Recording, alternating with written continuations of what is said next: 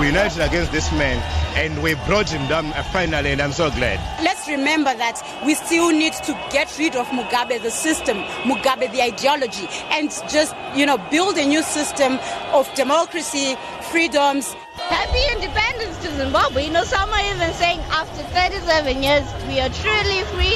That Robert Mugabe, the president I have known all my life, the president my children will never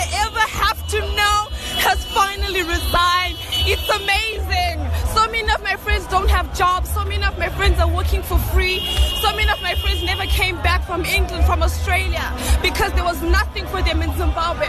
But today is a new day. It came as a surprise, but it was also quite saddening.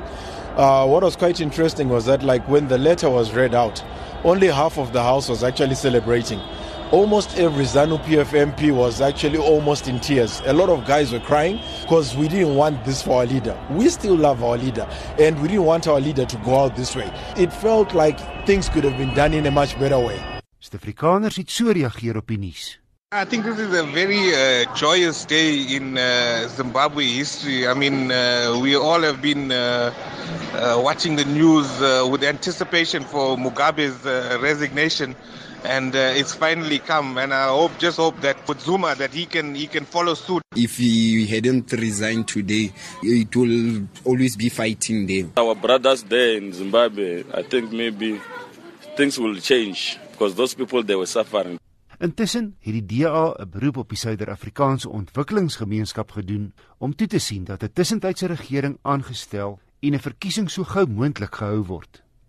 Die FSA se ambassade in Zimbabwe het die gebeure as geskiedkundig beskryf. Ook die Verenigde Nasies het reageer. Farn Hak namens die sekretaris-generaal van die VN. The Secretary General and his predecessors have made clear that we expect all leaders to listen to their people. That is a, a cornerstone of every form of government and, and needs to be uh, followed in every continent and in every nation. Die Britse eerste minister, Theresa May, was die eerste buitelandse leier wat die burgers van Zimbabwe voorspoed toegewens het en het gesê haar land sal Zimbabwe help met die opbouproses. Hierdie verslag met die hulp van ons streke Wessel Pretorius, SAK nuus.